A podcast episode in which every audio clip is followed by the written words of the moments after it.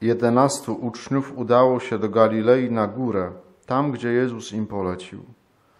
A gdy go ujrzeli, oddali mu pokłon. Niektórzy jednak wątpili. Wtedy Jezus zbliżył się do nich i przemówił tymi słowami: Dana mi jest wszelka władza w niebie i na ziemi. Idźcie więc i nauczajcie wszystkie narody, udzielając im chrztu w imię Ojca i Syna i Ducha Świętego. Uczcie zachowywać wszystko, co wam przykazałem. A oto ja jestem z wami przez wszystkie dni, aż do skończenia świata.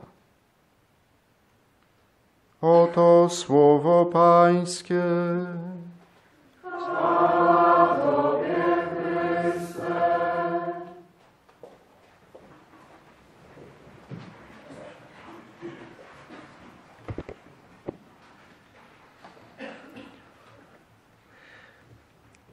Pięknie by tak było.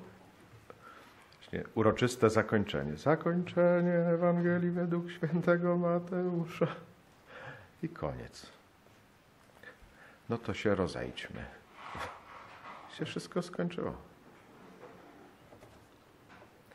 Ale my wiemy, że to się dopiero zaczyna.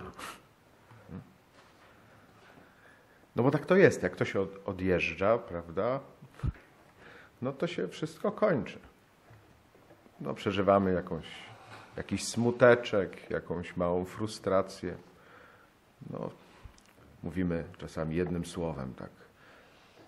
Życie.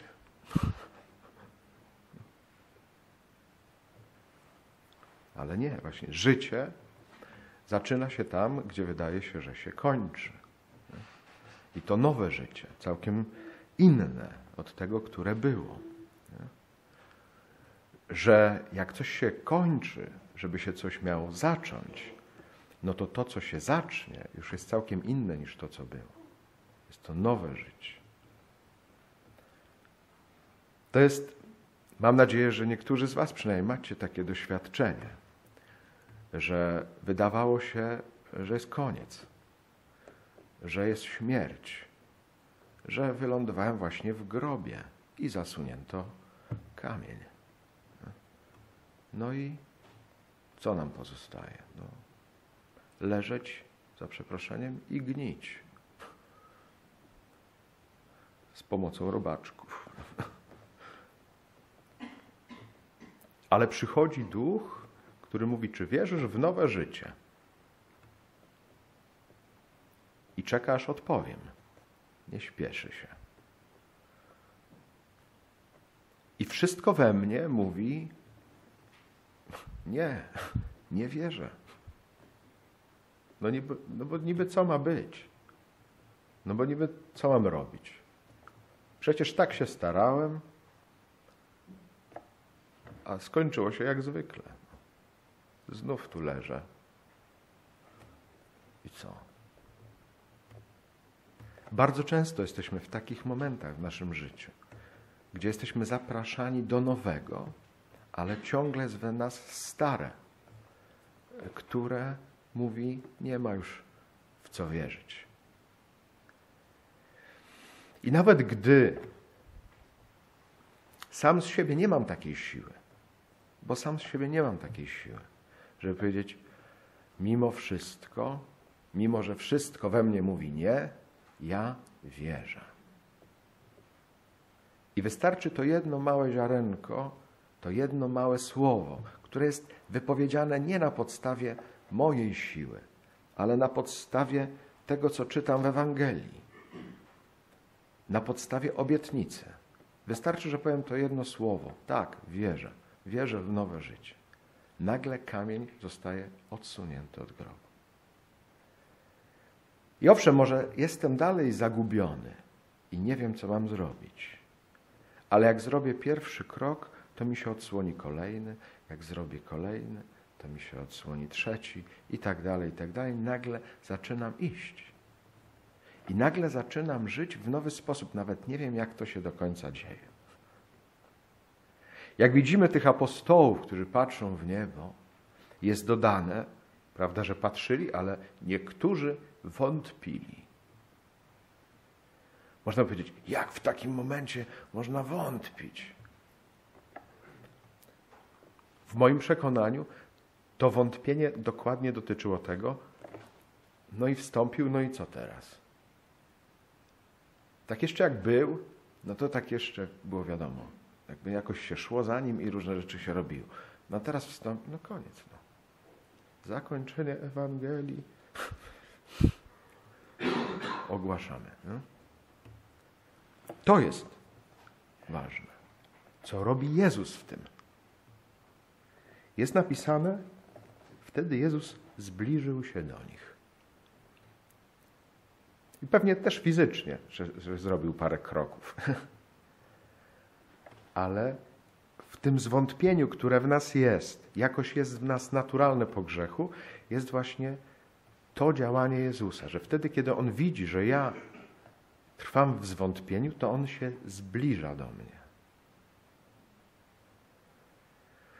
I wtedy dokładnie następuje ten paradoks, ta zmiana paradygmatu, mądrym słowem mówiąc.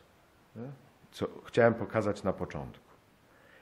Że Jezus wtedy, kiedy się oddala, w moim przekonaniu, paradoksalnie się przybliża. Jest bliżej mnie niż kiedykolwiek wcześniej. Zwłaszcza właśnie wtedy, kiedy wątpię.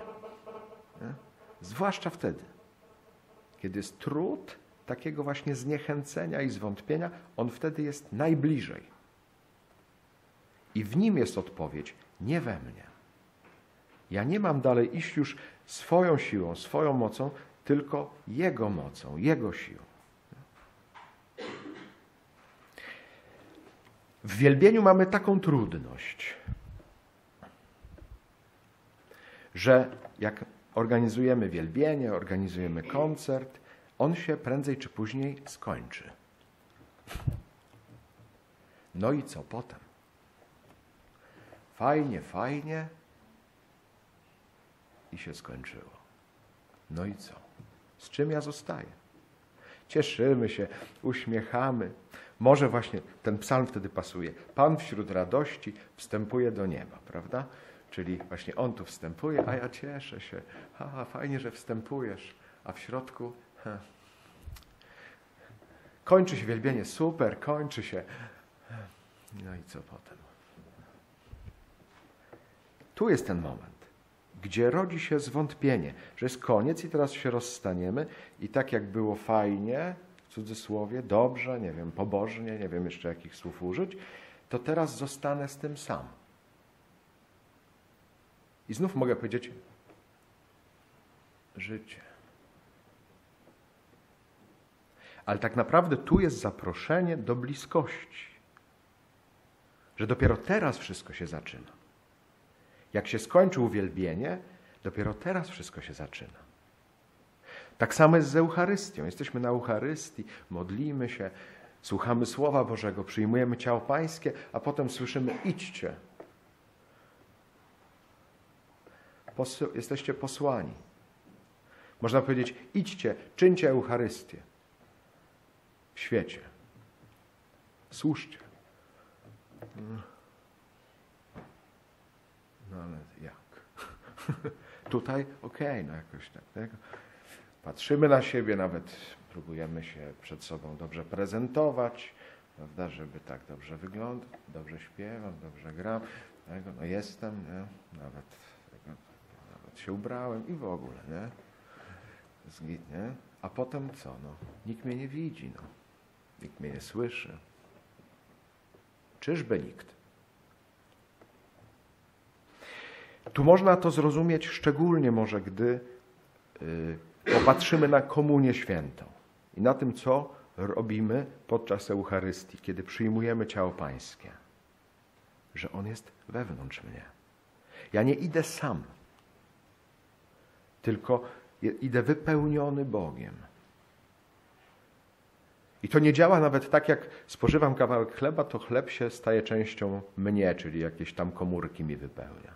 Tylko jak przyjmuję Eucharystię, to ja się staję częścią Boga. Dokładnie następuje ten deszcz do góry, czyli ja wstępuję, przyjmując Eucharystię, do nieba. Znajduję się wtedy pośród aniołów, pośród świętych, w Królestwie Niebieskim, w tym totalnym uwielbieniu, można powiedzieć, przez przyjęcie Eucharystii do wewnątrz. To się dzieje wewnątrz, nie zewnątrz. Mógłbym powiedzieć śmiało, że to, co się dzieje z zewnątrz, jak my uwielbiamy, to jest w ogóle nic prawie w porównaniu z tym, co się dzieje wewnątrz. Tyle, że to najczęściej, co jest wewnątrz, jest przed nami dość zasłonięte. Że nasze ludzkie zmysły odbierają to, co zewnątrz. Więc granie, śpiewanie, tańczymy, flagi, wszystko super, to jest to. A jestem, i to Wam chcę ogłosić z tego miejsca, tu dopiero się dzieje. Tu jest totalne uwielbienie. Tam są wszyscy aniołowie, święci, Maryja. Po prostu tam jest dopiero czat. Tylko, że ja nie widzę. Zasłonięte. Wpadło ziarenko i leży w grobie. Nie pozwalam mu wyjść. Nie pozwalam mu działać. Co jest potrzebne? Potrzebna jest modlitwa wewnętrzna. Nie chciałbym was zostawić tutaj, uwielbiaczy opolskich, bez takiego rozumienia, bez takiego przeświadczenia, że to, co jest najważniejsze, dzieje się tu. Ja taką lekcję dostałem od ojca Joachima Badeniego, który był moim takim mistrzem duchowym. Już pod koniec jego życia był w szpitalu, pojechaliśmy z braćmi, żeby e, się z nim spotkać i pojechaliśmy, wzięliśmy Eucharystię.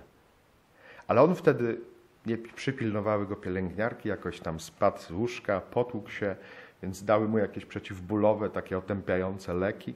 Więc jak my przyjechaliśmy i mówię, witam ojcze, przywieźliśmy Pana Jezusa, czy ojciec przyjmie komunię?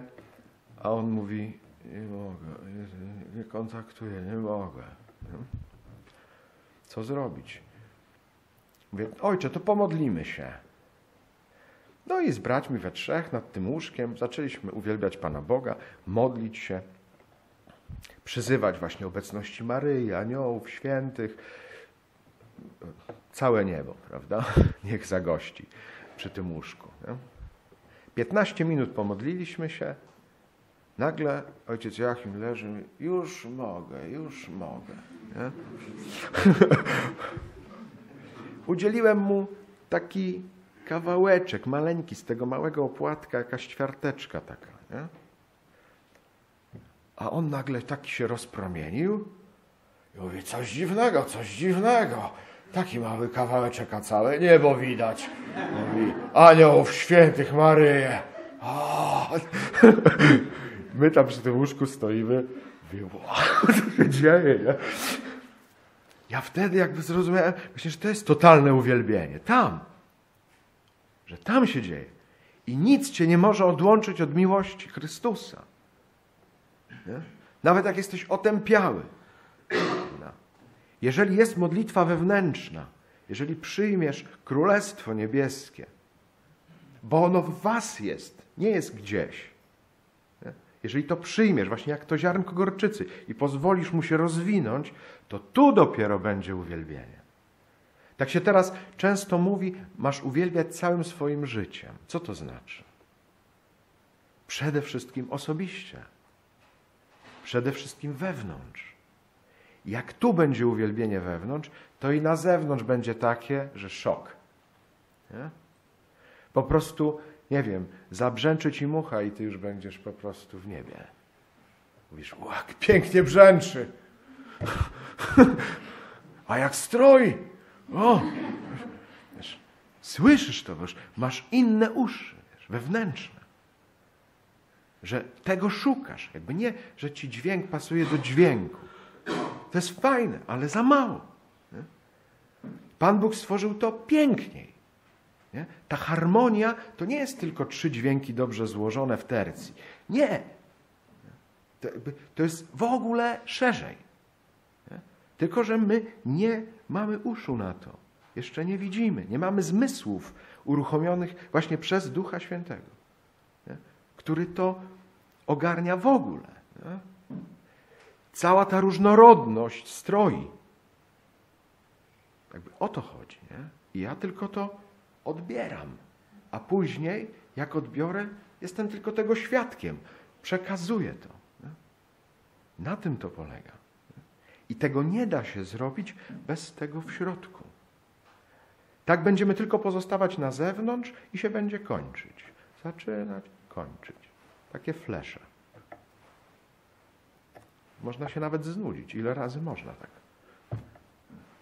Bo to jest trochę tak jak z Jonaszem, prawda, któremu rośnie ta roślinka, prawda, ten Janowiec i więdnie, bo robaczek podgryza. Rośnie więdnie, rośnie więdnie i ci ciągle głowę przypala. Po co tak żyć? Jak można żyć pełnią? Do tego e, jesteśmy zaproszeni, bo przez w niebo wstąpienie Jezusa niebo wstępuje na ziemię.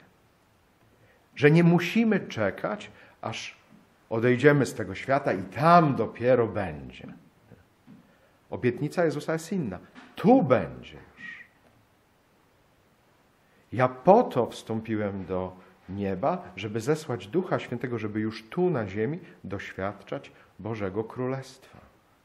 Jezus nie mówi, poczekajcie, poczekajcie, aż umrzecie, wtedy się zacznie. On mówi, już. Jestem blisko, już. Ja jestem z wami przez wszystkie dni aż do skończenia świata, czyli już, cały czas. I to, co pisze święty Paweł do Efezjan, to jest niesamowite. Mówi: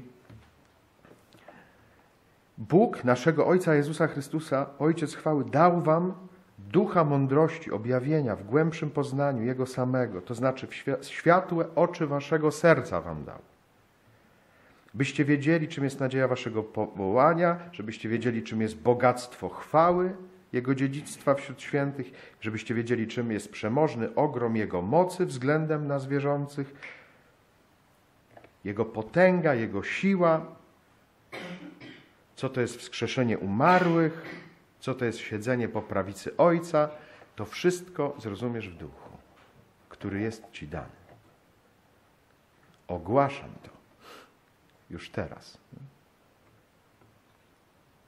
Dlatego zachwycam się tym i chcę z tym zachwytem Was zostawić, że z tego naprawdę maleńkiego ziarnka gorczycy, o którym wczoraj mówiłem, może urosnąć Królestwo Boże, wielkie drzewo, w którym można się gnieździć, czyli można żyć. Że uwielbienie, ośmielam się z tego miejsca po, powiedzieć, jest takim drzewem, w którym można zamieszkać. Już teraz. Więc kończąc, tylko powiem, nie czekaj, bo nie ma na co czekać.